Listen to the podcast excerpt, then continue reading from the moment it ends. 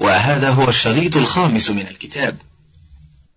قوله وأما الدرجة الثانية من القدر إلى آخره فهي تتضمن شيئين أيضا. أولهما الإيمان بعموم مشيئته تعالى وأن ما شاء كان وما لم يشأ لم يكن وأنه لا يقع في ملكه ما لا يريد وأن أفعال العباد من الطاعات والمعاصي واقعة بتلك المشيئة العامة التي لا يخرج عنها كائن سواء كان مما يحبه الله ويرضاه أم لا. وثانيهما الإيمان بأن جميع الأشياء واقعة بقدرة الله تعالى وأنها مخلوقة له لا خالق لها سواه.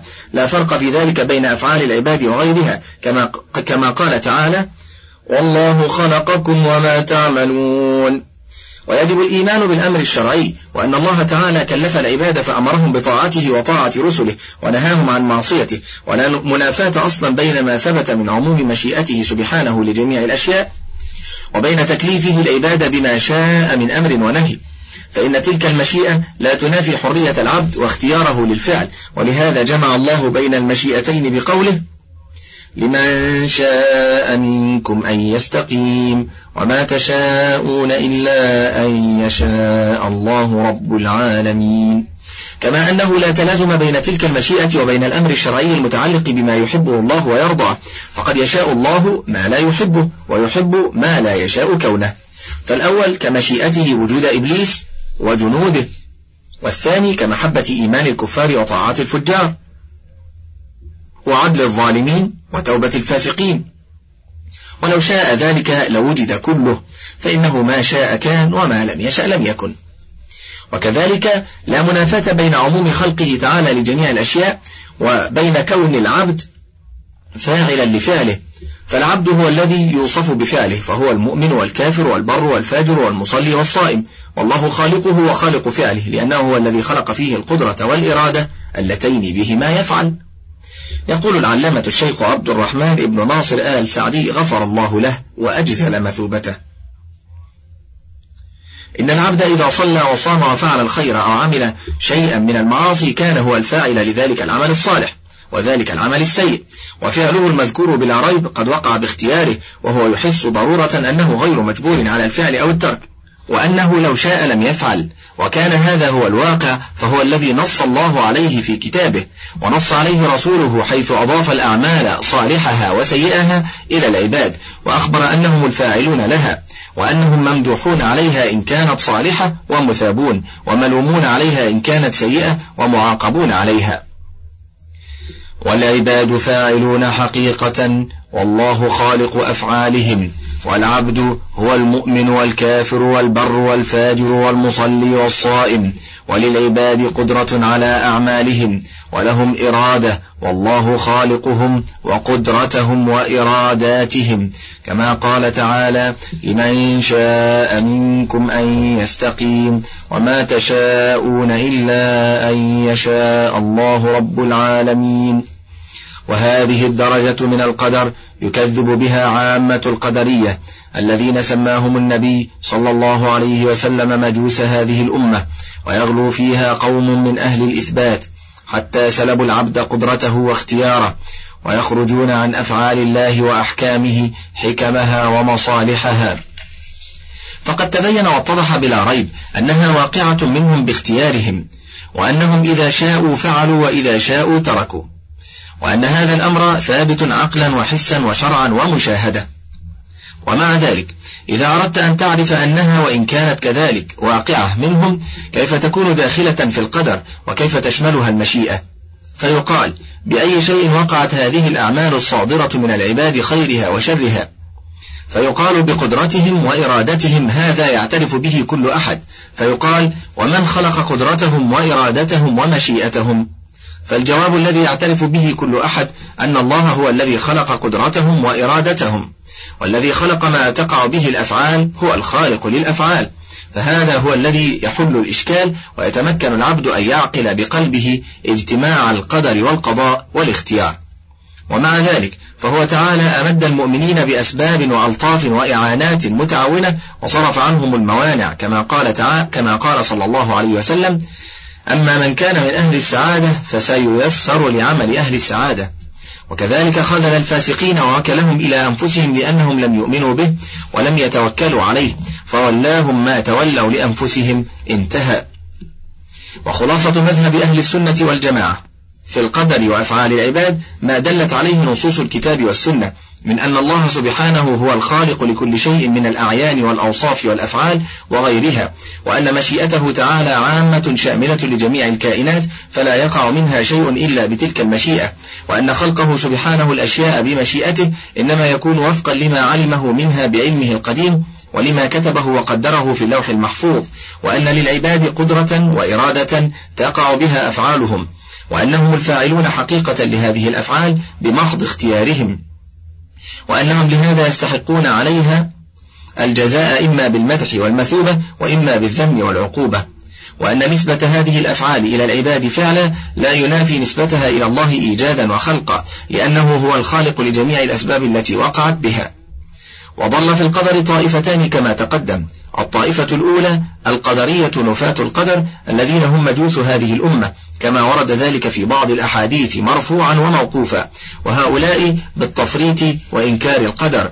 وزعموا أنه لا يمكن الجمع بين ما هو ثابت بالضرورة من اختيار العبد في فعله ومسؤوليته عنه وبين ما دلت عليه النصوص من عموم خلقه تعالى مشيئته لأن ذلك العموم في زعمهم إبطال لمسؤولية العبد عن فعله وهدم للتكاليف فرجحوا جانب الأمر والنهي وخصصوا النصوص الدالة على عموم الخلق والمشيئة بما عدا أفعال العباد وأثبتوا أن العبد خالق لفعله بقدرته وإرادته فأثبتوا خالقين غير الله ولهذا سموا مجوس هذه الأمة لأن المجوس يزعمون أن الشيطان يخلق الشر والأشياء المؤذية فجعلوه خالقا مع الله فكذلك هؤلاء جعلوا العباد خالقين مع الله.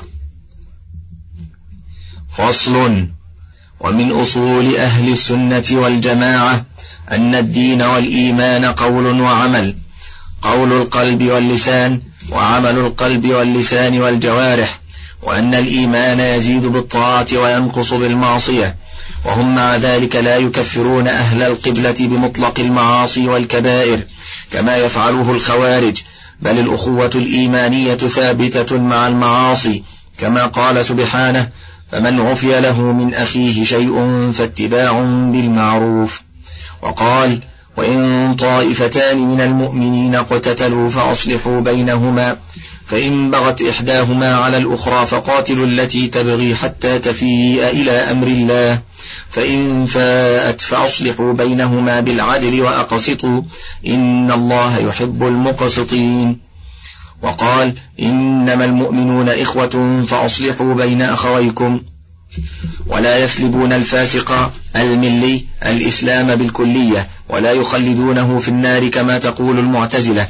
بل الفاسق يدخل في اسم الإيمان المطلق كما في قوله فتحرير رقبة مؤمنة وقد لا يدخل في اسم الإيمان المطلق كما في قوله تعالى إنما المؤمنون الذين إذا ذكر الله وجلت قلوبهم وإذا تليت عليهم آياته زادتهم إيمانا وقوله صلى الله عليه وسلم لا يزني الزاني حين يزني وهو مؤمن ولا يسرق السارق حين يسرق وهو مؤمن ولا يشرب الخمر حين يشربها وهو مؤمن.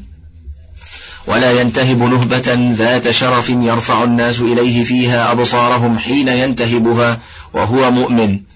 ونقول هو مؤمن ناقص الإيمان أو مؤمن بإيمانه فاسق بكبيرته فلا يعطى الاسم المطلق ولا يسلب مطلق الاسم. والطائفة الثانية يقال لها الجبرية وهؤلاء غلوا في إثبات القدر حتى أنكروا أن يكون للعبد فعل حقيقة بل هو في زعمهم لا حرية له ولا اختيار ولا فعل كالريشة في مهب الريح. وإنما تسند الأفعال إليه مجازا فيقال صلى وصام وقتل وسرق كما يقال طلعت الشمس وجرت الريح ونزل المطر. فاتهموا ربهم بالظلم وتكليف العباد بما لا قدرة لهم عليه ومجازاتهم على ما ليس من فعلهم واتهموه بالعبث في تكليف العباد وأبطلوا الحكمة من الأمر والنهي ألا ساء ما يحكمون. سبق أن ذكرنا في مسألة الأسماء والأحكام أن أهل السنة والجماعة يعتقدون أن الإيمان قول باللسان واعتقاد بالجنان وعمل بالأركان وأن هذه الثلاثة داخلة في مسمى الإيمان المطلق. فالإيمان المطلق يدخل فيه جميع الدين ظاهره وباطنه أصوله وفروعه. فلا يستحق اسم الإيمان المطلق إلا مع جمع ذلك كله ولم ينقص منه شيئا.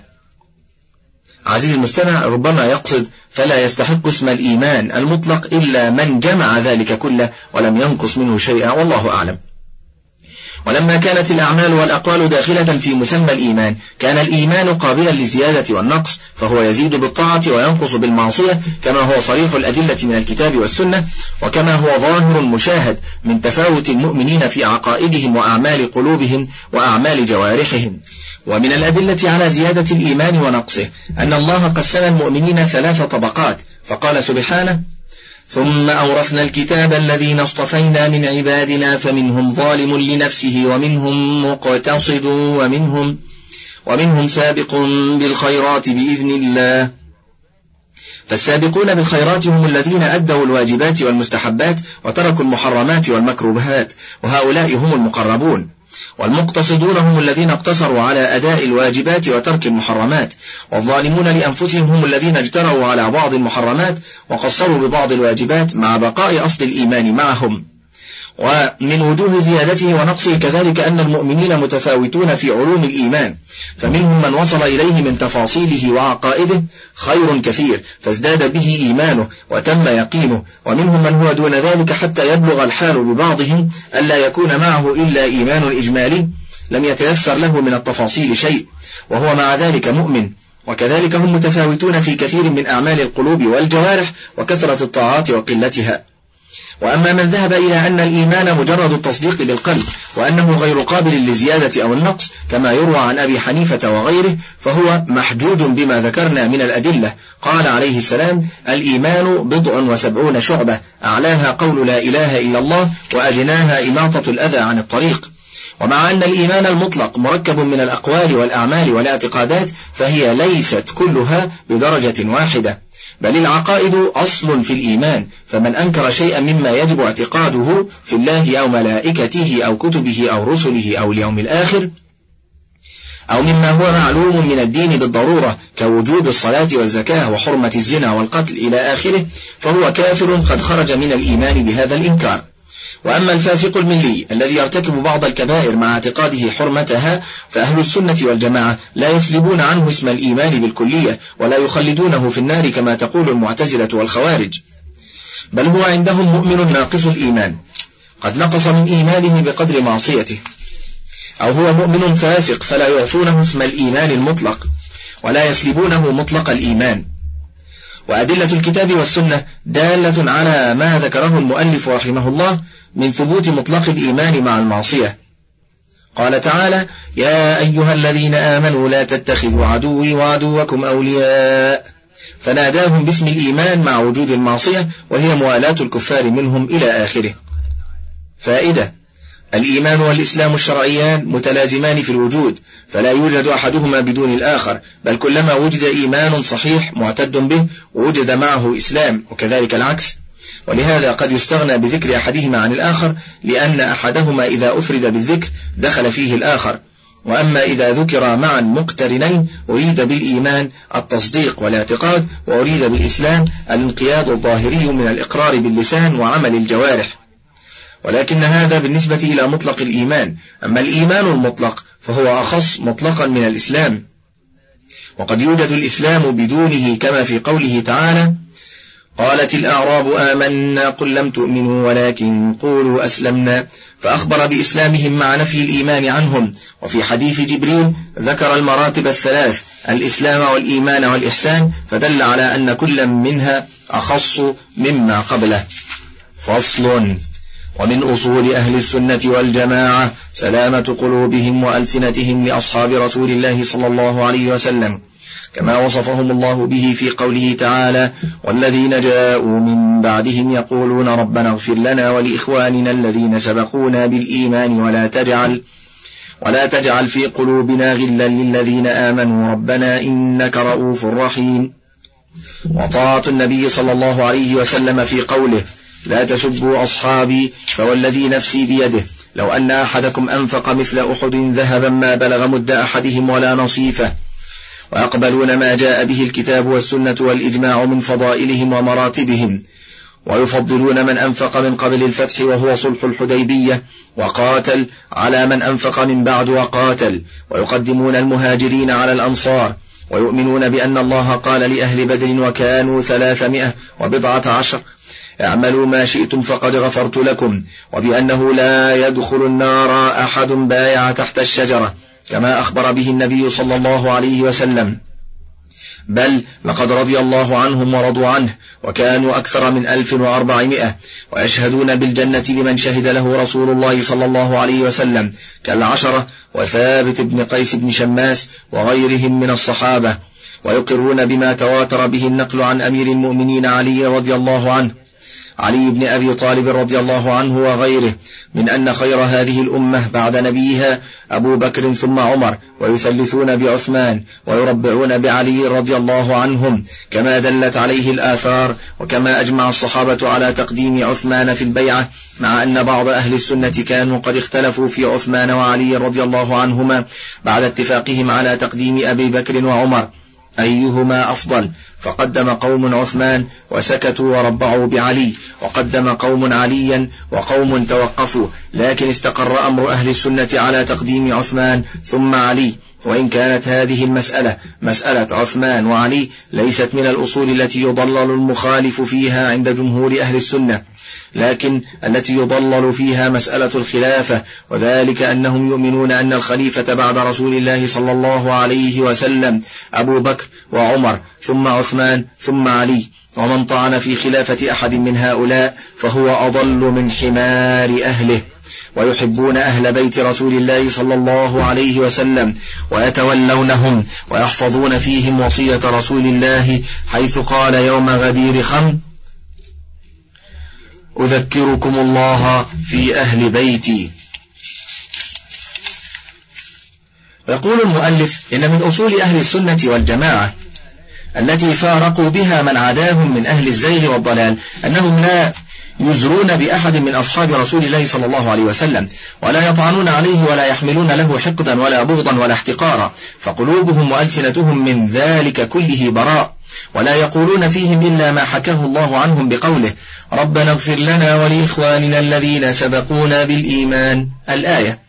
فهذا الدعاء الصادر ممن جاء بعدهم ممن اتبعوهم بإحسان يدل على كمال محبتهم لأصحاب رسول الله صلى الله عليه وسلم وثنائهم عليهم. وهم أهل لذلك الحب والتكريم لفضلهم وسبقهم وعظيم سابقتهم واختصاصهم بالرسول صلى الله عليه وسلم ولإحسانهم إلى جميع الأمة لأنهم هم المبلغون لهم جميع ما جاء بهم نبيهم فما وصل لأحد علم ولا خبر إلا بواسطتهم وهم يوقرونهم أيضا طاعة للنبي صلى الله عليه وسلم حيث نهى عن سبهم والغض منهم, منهم. وبين أن العمل القليل من أحد أصحابه يفضل العمل الكثير من غيرهم وذلك لكمال إخلاصهم وصادق إيمانهم. وأما قوله ويفضلون ويفضلون من أنفق من قبل الفتح وهو صلح الحديبية وقاتل على من أنفق من بعده وقاتل. فلورود النص القرآني بذلك. قال تعالى في سورة الحديد لا يستوي منكم من أنفق من قبل الفتح وقاتل أولئك أعظم درجة من الذين أنفقوا من الذين أنفقوا من بعد وقاتلوا وكلا وعد الله الحسنى. وأما تفسير الفتح بصلح الحديبية فذلك هو المشهور. وقد صح أن سورة الفتح نزلت عقيبة.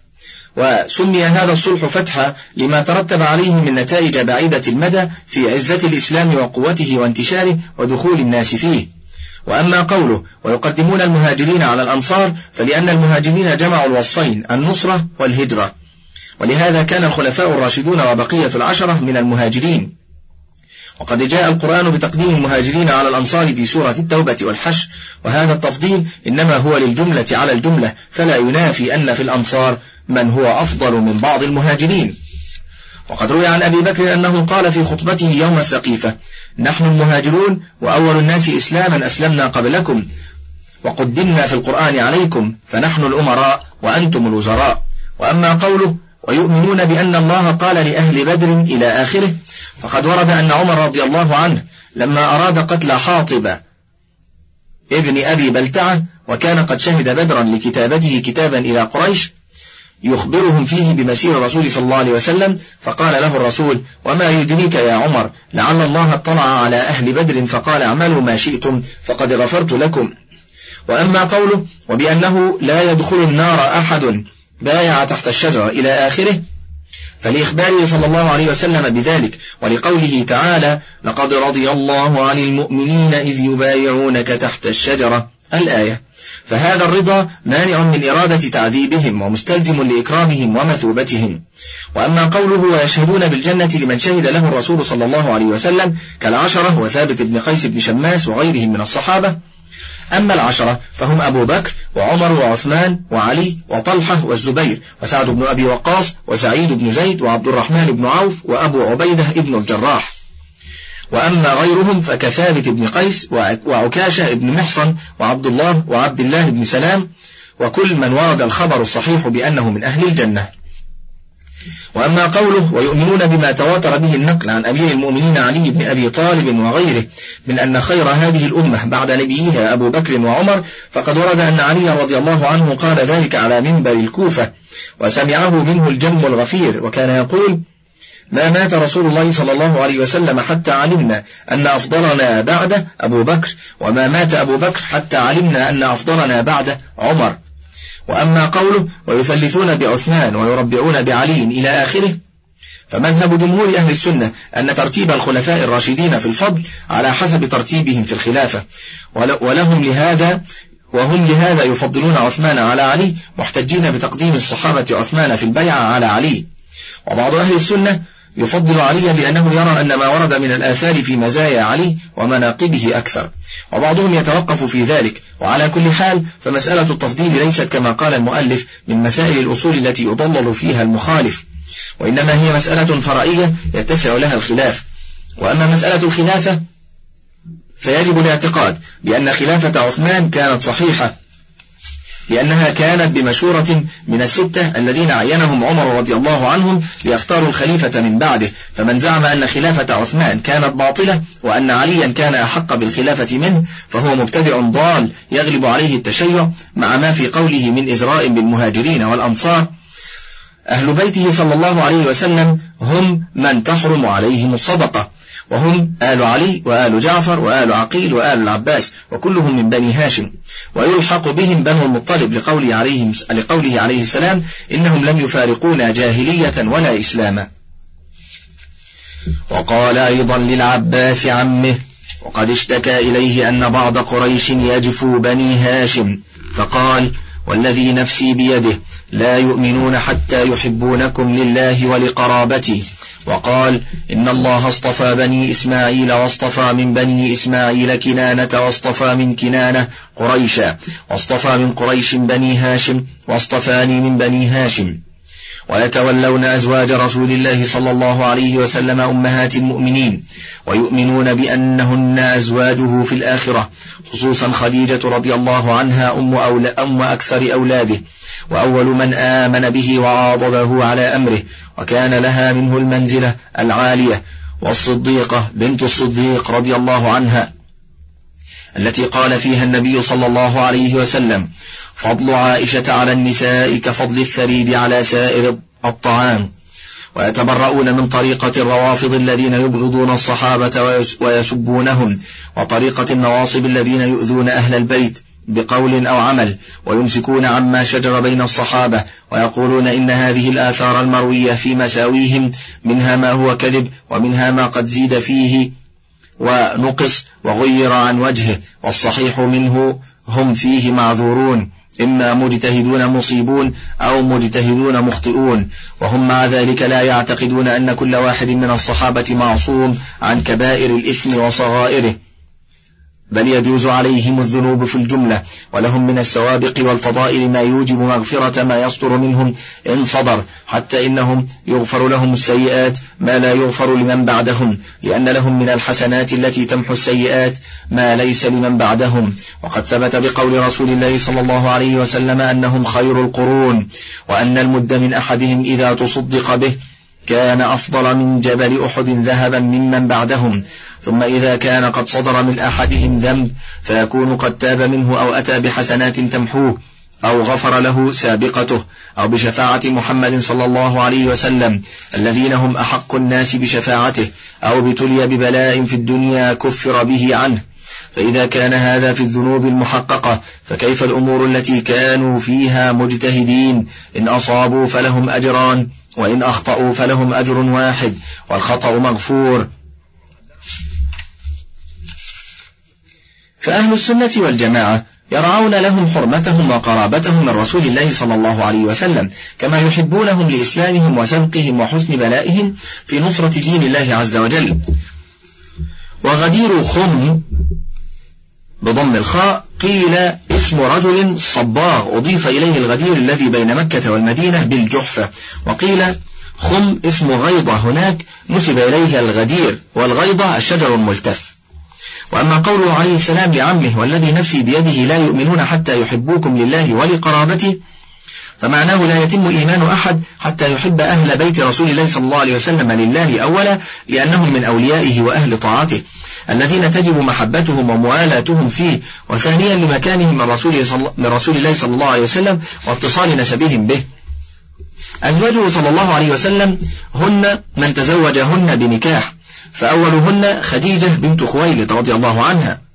تزوجها بمكة قبل البعثة وكانت سنه خمسا وعشرين وكانت هي تكبره بخمسة عشر عاما ولم يتزوج عليها حتى توفيت وقد رزق منها بكل أولاده إلا إبراهيم وكانت أول من آمن به وقواه على احتمال أعباء الرسالة وقد ماتت قبل الهجرة بثلاث سنين عن خمس وستين سنة فتزوج بعدها سودة بنت زمعة وعقد على عائشة رضي الله عنها وكانت بنت ست سنين حتى بنت ست سنين حتى إذا هاجر إلى المدينة بنى بها وهي بنت تسع. ومن زوجاته أيضا أم سلمة رضي الله عنها تزوجها بعد زوجها أبي سلمة وزينب بنت جحش تزوجها بعد تطليق زيد ابن حارثة لها أو على الأصح زوجه الله إياها. وجويرية بنت الحارث وصفية بنت حيي وحفصة بنت عمر وزينب بنت خزيمة. وكلهن أمهات المؤمنين وهن أزواجه صلى الله عليه وسلم في الآخرة وأفضلهن على الإطلاق خديجة وعائشة رضي الله عنهما.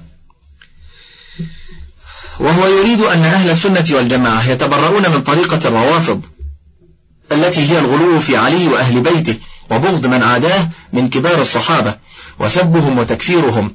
وأول من سماهم بذلك زيد بن علي رحمه الله.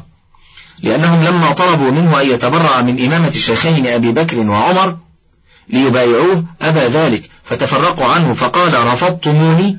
فمن يومئذ قيل لهم رافضة وهم فرق كثيرة منهم الغالية ومنهم دون ذلك. ويتبرؤون كذلك من طريقة النواصب الذين ناصبوا أهل بيت النبوة العداء لأسباب وأمور سياسية معروفة ولم يعد لهؤلاء وجود الآن. ويمسك أهل السنة والجماعة عن الخوض فيما وقع من نزاع بين الصحابة رضي الله عنهم لا سيما ما وقع بين علي وطلحة والزبير بعد مقتل عثمان وما وقع بعد ذلك بين علي ومعاوية وعمرو بن العاص وغيرهم. ويرون أن الآثار المروية في مساويهم أكثرها كذب أو محرف عن وجهه. وأما الصحيح منها فيعذرون فيعذرونهم فيه ويقولون إنهم متأولون مجتهدون وهم مع ذلك لا, يدعو لا يدعون لهم العصمة من كبار الذنوب وصغارها. ولكن ما لهم من السوابق والفضائل وصحبة رسول الله صلى الله عليه وسلم والجهاد معه قد يوجب مغفرة ما يصدر منهم من زلات فهم بشهادة رسول الله صلى الله عليه وسلم خير القرون وأفضلها ومد أحدهم أو نصيفه أفضل من جبل أحد ذهب يتصدق به من بعدهم فسيئاتهم مغفورة إلى جانب حسناتهم الكثيرة. ثم إن القدر الذي ينكر من فعل بعضهم قليل نزر مغفور في جنب فضائل القوم ومحاسنهم. من الإيمان بالله ورسوله والجهاد في سبيله والهجرة والنصرة والعلم النافع والعمل الصالح. ومن نظر في سيرة القوم بعلم وبصيرة. وما من الله عليهم به من الفضائل. علم يقينا أنهم خير الخلق بعد الأنبياء. لا كان ولا يكون مثلهم وأنهم الصفوة من قرون هذه الأمة التي هي خير الأمة وأكرمها على الله. ومن أصول أهل السنة التصديق بكرامات الأولياء وما يجري الله على أيديهم من خوارق العادات في أنواع العلوم والمكاشفات وأنواع القدرة والتأثيرات والمأثور عن سلف عن سالف الأمم في سورة الكهف وغيرها. وعن صدر هذه الأمة من الصحابة والتابعين وسائر فرق الأمة وهي موجودة فيها إلى يوم القيامة. يريد المؤلف رحمه الله أن ينفي عن الصحابة رضي الله عنهم أن يكون أحدهم قد مات مصرا على ما يوجب سخط الله عليه من الذنوب. بل إذا كان قد صدر الذنب من أحدهم فلا يخلو فعلا. عن أحد هذه الأمور التي ذكرها فإما أن يكون قد تاب منه قبل الموت أو أتى بحسنات تذهبه وتمحوه أو غفر له بفضل سالفته في الإسلام كما غفر لأهل بدر وأصحاب الشجرة أو بشفاعة رسول الله صلى الله عليه وسلم وهم أسعد الناس بشفاعته وأحقهم بها أو ابتلي ببلاء في الدنيا في نفسه أو ماله أو ولده فكفر عنه به. فإذا كان هذا هو ما يجب اعتقاده فيهم بالنسبة إلى ما ارتكبوه من الذنوب المحققة فكيف في الأمور التي هي موضع اجتهاد والخطأ فيها مغفور؟ ثم إذا قيس هذا الذي أخطأوا فيه إلى جنب ما لهم من محاسن وفضائل لم يعد أن يكون قطرة في بحر. فالله الذي اختار نبيه صلى الله عليه وسلم هو الذي اختار له هؤلاء الأصحاب. فهم خير الخلق بعد الأنبياء والصفوة المختارة من هذه الأمة التي هي أفضل الأمم. ومن تأمل كلام المؤلف رحمه الله في شأن الصحابة عجب أشد العجب مما يرميه به مما يرميه به الجهلة المتعصبون وادعاؤهم عليه أنه يتهجم على أقدارهم ويغض من شأنهم ويخرق إجماعهم إلى آخر ما قالوه من مزاعم ومفتريات. وقد تواترت نصوص الكتاب والسنة ودلت الوقائع قديما وحديثا على وقوع كرامات لله لأوليائه المتبعين لهدي أنبيائهم. والكرامة أمر خارق للعادة. يجريه الله على يد ولي من أوليائه معونة له على أمر ديني أو دنيوي. ويفرق بينها وبين المعجزة بأن المعجزة تكون مقرونة بدعوى الرسالة بخلاف الكرامة. ويتضمن وقوع هذه الكرامات حكم ومصالح كثيرة أهمها. أولا أنها كالمعجزة تدل أعظم دلالة على كمال قدرة الله ونفوذ مشيئته. وأنه فعال لما يريد وأن له فوق هذه السنن والأسباب سننا أخرى لا يقع عليها عين البشر ولا تدركها أعمالهم. فمن ذلك قصة أصحاب الكهف والنوم الذي أوقعه الله بهم تلك المدة الطويلة مع حفظه تعالى لأبدانهم من التحلل والفناء. ومنها ما أكرم الله به مريم بنت عمران من إيصال الرزق إليها وهي في المحراب حتى عجب من ذلك زكريا عليه السلام وسألها أن لك هذا. وكذلك حملها بعيسى بلا أب وولادتها إياه وكلامه في المهد وغير ذلك. ثانيا إن وقوع الكرامات للأولياء هو في الحقيقة معجزة للأنبياء لأن تلك الكرامات لم تحصل لهم إلا ببركة متابعتهم لأنبيائهم وسيرهم على هديهم. ثالثا إن كرامات الأولياء هي البشرى التي عجلها الله لهم في الدنيا فإن المراد بالبشرى كل أمر يدل على ولايتهم وحسن عاقبتهم. ومن جملة ذلك الكرامات. هذا ولم تزل الكرامات موجودة لم تنقطع في هذه الأمة إلى يوم القيامة والمشاهدة أكبر دليل. وأنكر الفلاسفة كرامات الأولياء كما أنكروا معجزات الأنبياء. وأنكر الكرامات أيضا المعتزلة.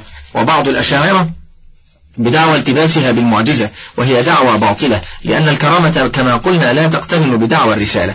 لكن يجب التنبه إلى أن ما يقوم به الدجاجلة والمشعوذون من أصحاب الطرق المبتدعة الذين يسمون أنفسهم بالمتصوفة من أعمال ومخاريق شيطانية كدخول النار وضرب أنفسهم بالسلاح والإمساك بالثعابين والإخبار بالغيب إلى غير ذلك. ليس من الكرامات في شيء فإن الكرامة إنما تكون لأولياء الله بحق. وهؤلاء أولياء الشيطان. فصل.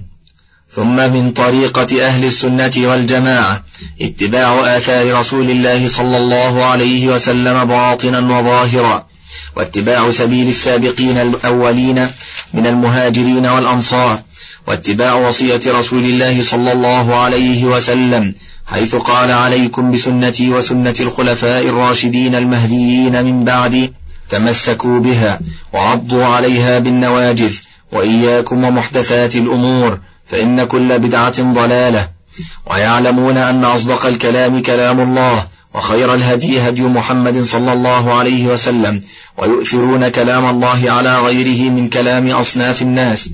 ويقدمون هدي محمد صلى الله عليه وسلم على هدي كل أحد. ولهذا سموا أهل الكتاب والسنة وسموا أهل الجماعة لأن الجماعة هي الإجماع وضدها الفرقة.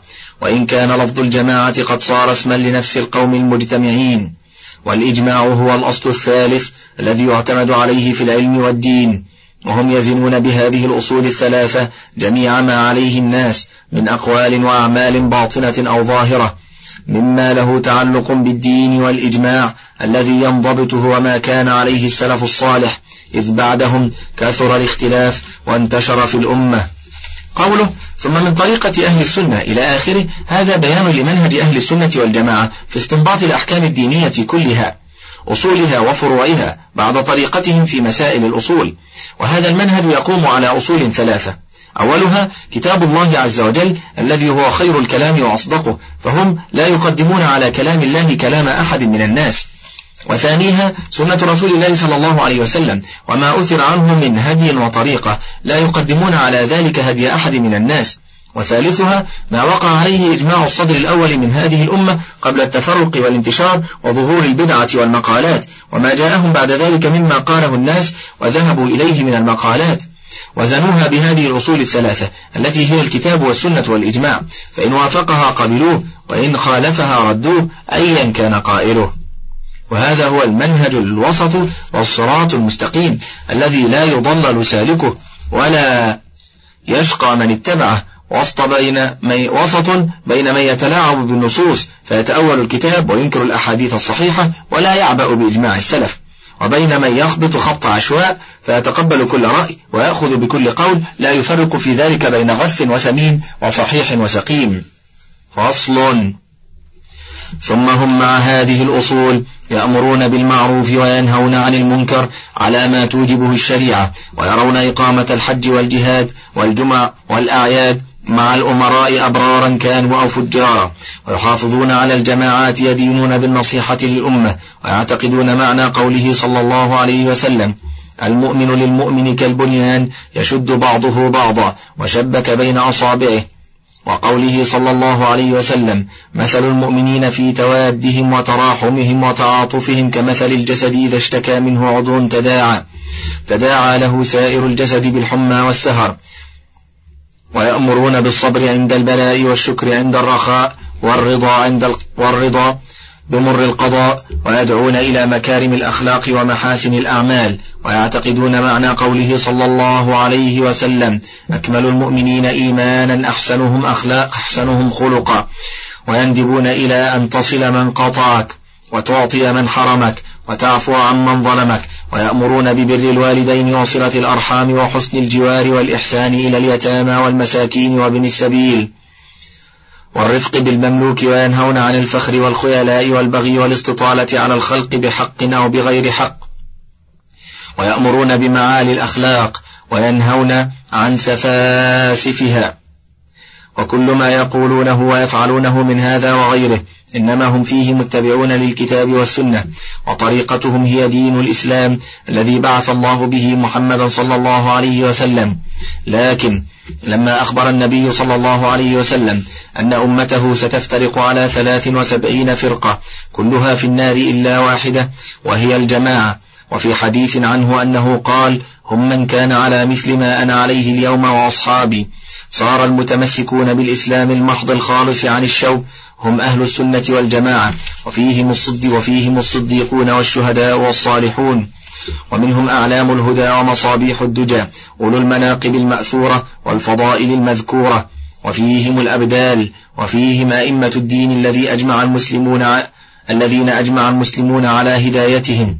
وهم الطائفة المنصورة الذين قال فيهم النبي صلى الله عليه وسلم لا تزال طائفة من أمتي على الحق منصورة لا يضرهم من خالفهم ولا من خذلهم حتى تقوم الساعة. نسأل الله أن يجعلنا منهم وأن لا يزيغ قلوبنا بعد إذ هدانا وأن يهب لنا من لدنه رحمة إنه هو الوهاب والله أعلم. وصلى الله على محمد وعلى وآله وصحبه وسلم تسليما كثيرا.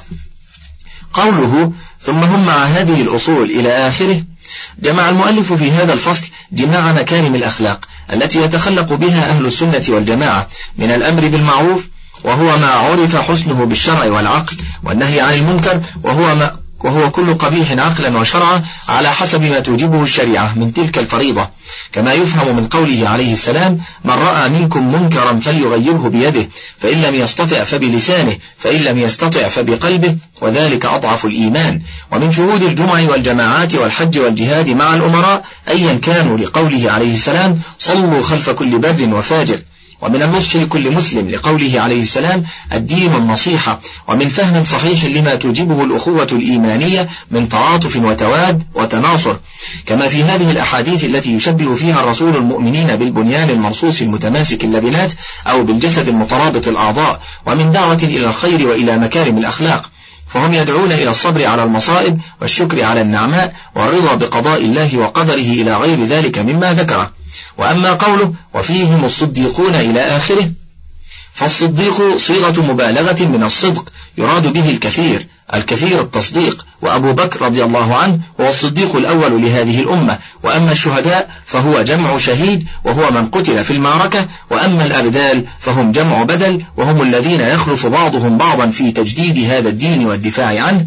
كما في الحديث يبعث الله لهذه الأمة على رأس كل مئة سنة من يجدد لها أمر دينها والله أعلم. وصلى الله على محمد وآله وصحبه وسلم.